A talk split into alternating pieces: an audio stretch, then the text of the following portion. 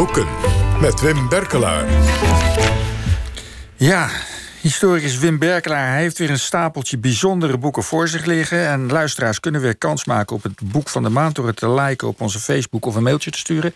Wim, Goedemorgen, eh, Paul. goedemorgen. Eh, waar, waar beginnen we mee? We beginnen met uh, Sjaak van der Velde. Uh, misschien wel bekend als de stakingskundige in Nederland. Hè, dat weet je. Ja, Rotterdammer, Timmer, Timmerman, historicus. Ja. Heeft een enorme database aangelegd over, uh, over stakingen. vanaf 1273. Daar heeft hij de eerste lokaliseerd in 1273. Dat zijn Leidenaren. Maar een staking heette toen een uitgang. Dat is wel interessant, dat legt hij goed uit. Kijk, het aardige van dit boek is... Um, die database die wil je natuurlijk als schoonburger niet zien. En al die technische, uh, laten we zeggen, uh, uh, statistieken van die, van die dingen... wil je als gewoonburger ook niet zien. Maar dit is een leuk boek in de serie van W-books. Uitgever W-books, dat zijn van die populaire boeken... waarin hij gewoon een korte, beknopte, goede geschiedenis... van staak in Nederland. Met heel veel plaatjes. Met heel veel plaatjes. Eigenlijk gewoon gezellige plaatjes ja, met een beetje tekst. Ja, maar, ja, maar het mooie van dit boek, Jos, is dat... het is dus toch Sjaak. En Sjaak die vertelt inderdaad een praatje bij een plaatje. Maar dat doet hij weer zo vakkundig... dat je toch echt een goed overzicht krijgt van staken in Nederland. Ja, want hij gaat heel ver terug. Hè? Ja. de ja. tijd dat er nog lang geen foto's uh, waren. Nee. Wat voor plaatjes zitten ja, er dat zijn, bij? dat zijn van die... Dat zijn gravures en ja, dat soort dingen? precies. Gravures, afbeeldingen. Een, een, een modern beeld van Spartacus. Spartacus, de, de slavenopstand uh, in 73 na Christus. Dat is een van de, van de, laten we zeggen, modellen... nog altijd voor de huidige stakingsgolven. Maar de eerste is dus in 1273. Dat noemen ze een uitgang. Dus als je staakte, dan uh, ging je weg. Hè. Dus je had uh, de, de laakindustrie in Leiden. En dan heb je die stakers, die, gaan dus, die lopen echt weg... Uh, uit uh, Leiden. Die gaan massaal naar Gouda.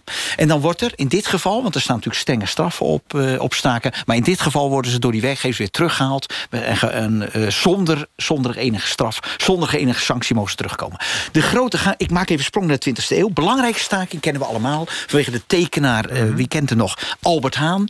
Ehm, de machtige hand, die, de spoorwegstaking 1903. Ja, ja, ja. Maar die is belangrijk, want die spoorwegstaking was voor een deel een succes. 50.000 uh, werknemers in die tijd legden het, uh, het werk neer. Maar het kabinet Kuiper, 1901, 1905... De, de, de bekende... worgwetten ging dat tegen. Precies, de ja. worgwet. Maar die is ja. belangrijk, Paul, want die worgwetten... die hebben dus bepaald tot 1980, vrienden, tot 1980... dat ambtenaren niet mochten staken. En dus de latere staking, ken je het nog... Uh, Herman Bode, de vicevoorzitter van... Naar... Ja. Precies. Uh, willen we naar de Dam, dan gaan we naar de Dam. Dat waren ook ambtenaren, die konden toen weer staan. Maar Wim, even tot slot over dit boek. Uh, want we gaan niet de hele stakingsgeschiedenis nee, doen. Dat, dat doen we niet. al bijna, moeten we ook helemaal eigenlijk niet doen. Uh, is het nou een nostalgisch boek van... helaas wordt er zo weinig gestaakt heden ten dagen in Nederland... Wat voor sfeer heeft het? Nee, dat is een goeie. Daar zit mijn kritisch punt. Het, is, het heeft zeker een zekere nostalgie met alle analyse. En wat ik een beetje jammer vind in het boek... en wat ik een beetje mis is... Um, de mensen die niet staken. De stakingsprekers. Je hebt ook altijd mensen die gewoon niet mee willen doen. Ik zou het echt wel leuk hebben gevonden... als hij daar iets meer aandacht had aan besteed. Ja. Misschien een nieuw deel, idee voor Sjaak. Ja, Sjaak zal doorgaan. Ja, het, is wel een goed, het is een goed boek. Ja, je, hebt, je, hebt er, je hebt er nog drie. Laten we doorgaan, uh, Wim. Heel anders. Uh, we gaan naar de 19e eeuw. Dit boek heet, uh, is uitgegeven door Ik denk dat Noordboek een nieuwe uitgeverij is... waar Steven Sterk, de bekende tweedehands boekhandelaar, achter zit. Maar weet ik niet zeker. Mm -hmm. Dat boek heet De Predikant en de Boeddha. Dat gaat over een Fries predikant, Joost Halbertsma. En die heeft in 1843 een boek geschreven... dat heet Het Boeddhisme en zijn stichter. En dat is een boek, dat is heel aardig. Moet je je voorstellen, dat is een predikant in de 19e eeuw... die... Uh, eigenlijk strijdt à la potgieter tegen Jan Sali en de Jan Sali-geest. Die vindt dat koninkrijk in Nederland en dat vrijzinnig christendom wat er een beetje heerst. Je had allemaal liberale theologen, dat vindt hij gezapig en gematigd. En hij denkt, jongens, wij moeten eens rondkijken... en wij moeten vooral eens kritisch kijken naar het christendom. Want dat christendom heeft eigenlijk boeddhistische wortels. Moet je opletten, dan gaat hij een rare tourneur maken... die op geen enkele manier hard te maken is. Mm -hmm. De man is een Fries en die zegt... wij Friesen komen uit het oosten. Wij Friesen, en dat oosten moet je dus niet denken nu, oosten van Nederland... Ja. wij komen van heel ver. En uiteindelijk zijn wij allen boeddhistisch. Uh, ja. ja. Ja. en uh, zelfs gotische kerken en kathedralen... die zouden dan boeddhistisch geïnspireerd zijn. Nou, dat gaat zelfs zijn bewonderaar... want bewonderaar Thorbecke, toch niet de geringste... Mm -hmm. is een bewonderaar, maar die zegt... ja, nou slaat hij een beetje door. Maar het is, het is een vrijzinnig predikant... Ja. die ook hoog, uh, hoogleraar zou kunnen worden. Ja, maar maar niet goed, kan. het is dus een, een, een, een boek van meer dan 150 jaar oud... wat nu was heruitgegeven. Wat is de actualiteit er nu van dan? De actualiteit is deze. Wij allen zijn eh, tegenwoordig, eh, nou ik zelf niet... maar de meeste van ons zijn zeer gecharmeerd door het boeddhisme. Allerlei westelingen lopen daarmee weg. Eh, en het is dan een uitgave om te laten zien dat in die 19e eeuw... dit is de eerste Nederlandse tekst, volwassen Nederlandse tekst... over het boeddhisme van een vrijzinnig predikant. Ja, oké. Ik, ik blijf wel een beetje zitten met dat dat boeddhisme de, de, de, zeg maar de slappe Jan Sali-geest zou moeten overwinnen. Want boeddhisme is vooral aanvaarding. Ik weet niet hoeveel activisme er in boeddhisme zit. Maar dat vecht er wel een andere keer uit. Nee, dat moeten we een andere keer, want daar kan ik nog een heel verhaal over houden. Dat Jongens, we, gaan we niet doen. we gaan van Boeddha naar de Bijbel, hè? Ja, we gaan naar, ja, ja eh, dat, inderdaad. Eh, heel invloedrijk. De Bijbel, eh, het boek der boeken. Dat is geschreven door John Barton. het. Ja, valt er nog iets nieuws over te zeggen? Nou, ik moet je zeggen, eh, Paul, eh, we weten allemaal iets van de Bijbel. Wat deze man van de Bijbel weet, het is een verbluffend goed boek. Af en toe verdrink je erin. Het is, het is, eh, het is ook echt wel een ingewikkeld boek over de Hebreeuwse Bijbel. eh, wat eraan toegevoegd is. de apocryfe boeken. hè, De apocryfe boeken, dat zijn de, de dingen die er later zijn toegevoegd. De dode zeerollen die gevonden zijn. Het, het, je, je verdrinkt er soms in. Maar het is wel een uiterst prikkelend boek. Het, het boek zegt namelijk en dat dacht ik al wel van het christendom. Het christendom is maar voor een ten dele op de Bijbel geïnspireerd. Maar hij zegt ook, de Jood, het jodendom is eigenlijk ook maar voor een deel eh, op, de, op het Oude Testament Het gaat allemaal terug op het boeddhisme. Of Nee, nee, nee, nee, dat is geestig. Nee, het gaat niet. Nee, het is, het is veel al traditie. Het is veelal aangekoekt, eh, bijverzonnen. En bijvoorbeeld de drie-eenheid. Christenen praten altijd over drie-eenheid. Vader, Zoon, Heilige Geest. Zegt hij, komt nauwelijks voor in de Bijbel. Dus allemaal dat is erbij verzonnen. Dus het is een, wat mij betreft een wat ontakelijk en onluisterend boek. Niettemin deze Anglikaanse priester... het is een, het is een oude man, een jarenlang hoogleraar in Oxford... die maakt, eh, en dat maakt hij toch niet goed duidelijk... hij zegt, je moet het boek in zijn rijkdom en verscheidenheid lezen. Dat wil ik zeker van hem aannemen. Het is natuurlijk een heel rijk verzameling van geschriften...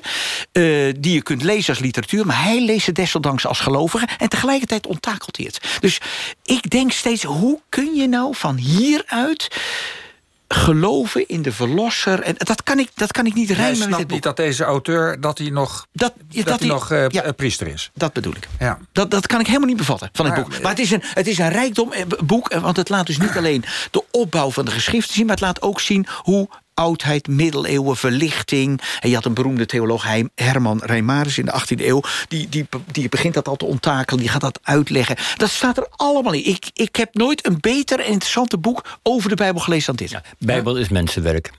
Nou, dat zou ik eh, op zijn zachtst zeggen. Zou het zelfs voor mij interessant zijn, Wim? Ja, als kleinzoon van... Anton Constant, zeg ik tegen de luisteraar. Wie kent hem nog? Moet je dit zeker lezen. Anton zou dit lezen. Goed, laten we naar je boek van de maand gaan. Ja, boek van de maand, jongens, het is heel anders. Net werd door Anna eh, Gloria Wekker genoemd. En met Gloria Wekker neem ik even de hele wereld mee... van het huidige zwarte activisme.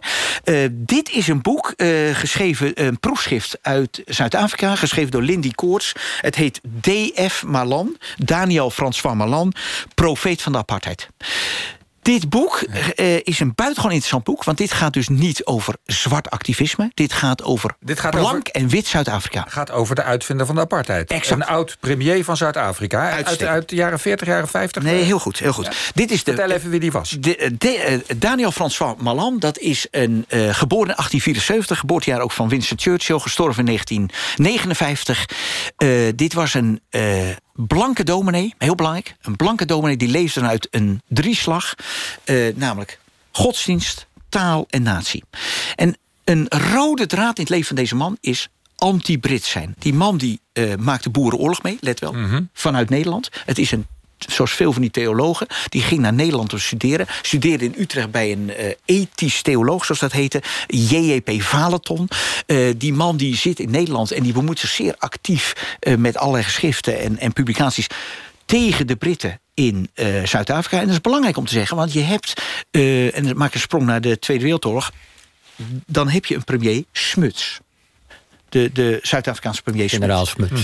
Precies, generaal Smuts. En die is, die wil een compromis met de Britten. Want die denkt, ja, die Britten blijven belangrijk op de wereldtoneel, Tweede Wereldoorlog.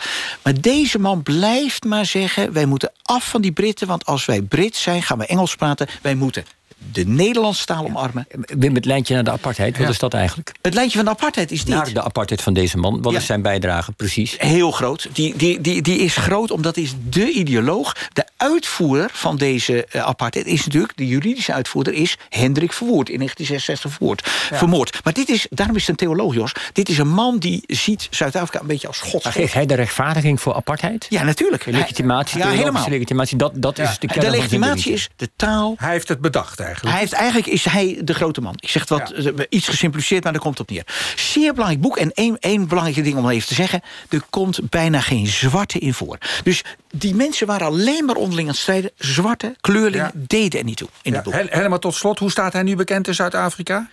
Eh, nu, Grote slechterik? ja, dat kan je wel zeggen. Ja.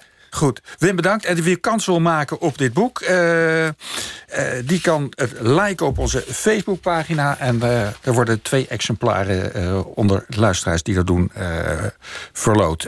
U kunt trouwens